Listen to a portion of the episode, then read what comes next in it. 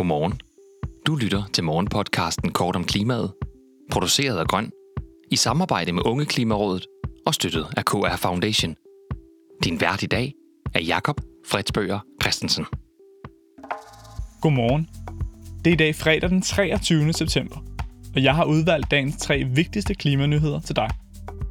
Vi skal høre fra Concito, som har regnet på konsekvenserne af en lavere elafgift.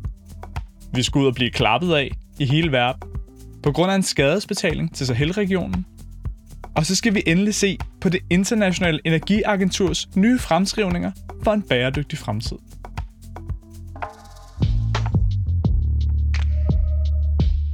Vi starter på forsiden af netmediet Klimamonitor. Her er journalisterne nemlig lidt bedre over, at partiet Venstre ikke vil stille op til interview med dem. Venstre har foreslået helt at fjerne elafgiften og de tariffer, som Energinet lægger på danskernes elforbrug. Det har tænketanken Concito nu regnet på, og de kommer frem til, at forslaget vil forøge danskernes elforbrug med 7%. For de familier, der lige nu er nede på et uholdbart lavt elforbrug i forhold til at få hverdagen til at fungere, vil forslaget altså være positivt.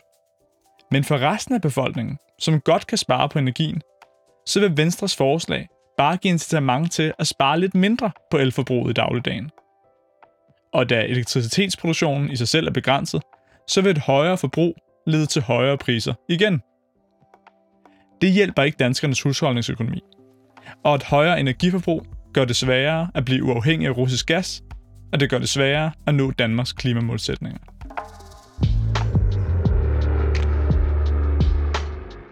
Dagens solstrålehistorie fra i onsdags er nu gået viralt.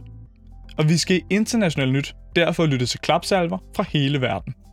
Udviklingsminister Flemming Møller Mortensen annoncerede ved åbningen af FN's generalforsamling, at Danmark vil betale 100 millioner kroner til Sahel-regionen for tab og skader. Tab og skader er følger af klimaforandringerne, som Danmark har et historisk og nutidigt ansvar for. Politikken skriver, at Danmark får ros lige fra ærkebiskoppen i Cape Town til ministeren for økonomisk vækst i Jamaica. Der er der to udfordringer.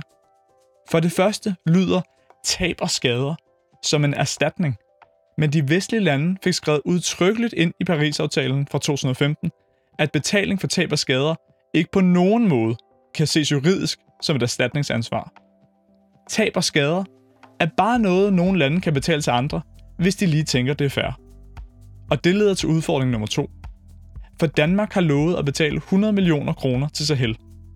Men et studie på området, som World Resource Institute refererer til, vurderer, at tab og skader løber op i helt andre beløb.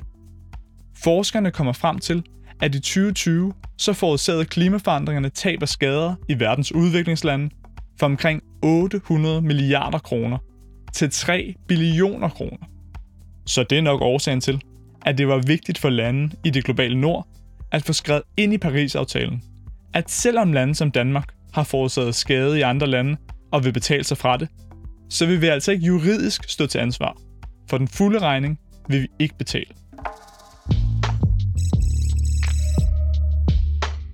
Vi skal under radaren og åbne en ny analyse fra det internationale energiagentur. De kommer med bud på, hvordan vi kan sikre klimaneutrale boliger i 2030.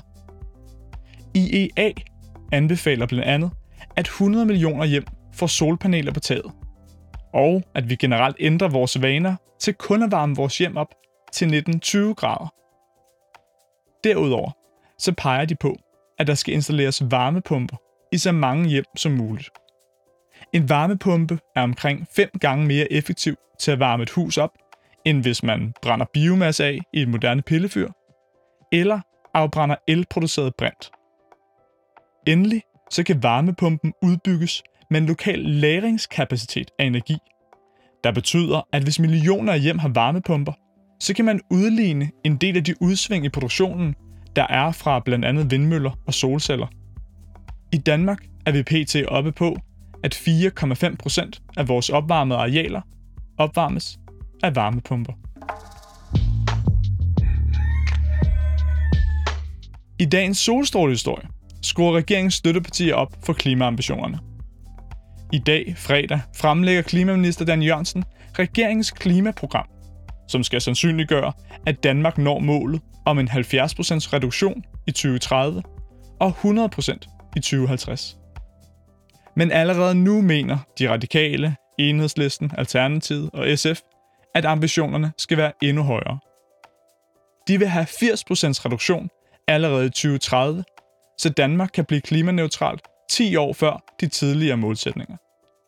Højere målsætninger hjælper i sig selv ikke meget, men de flytter baren for, hvor store forandringer i samfundet politikerne vil acceptere, og hvor meget de vil betale for, at Danmark kan blive et grønt foregangsland. Tak fordi du lyttede med til Kort om Klimaet. Vi har alle ugens hverdag udsendelsen klar kl. 8. Hvis du vil høre den med det samme, så gå direkte ind på vores feed på kortomklimaet.dk www.nota.dk.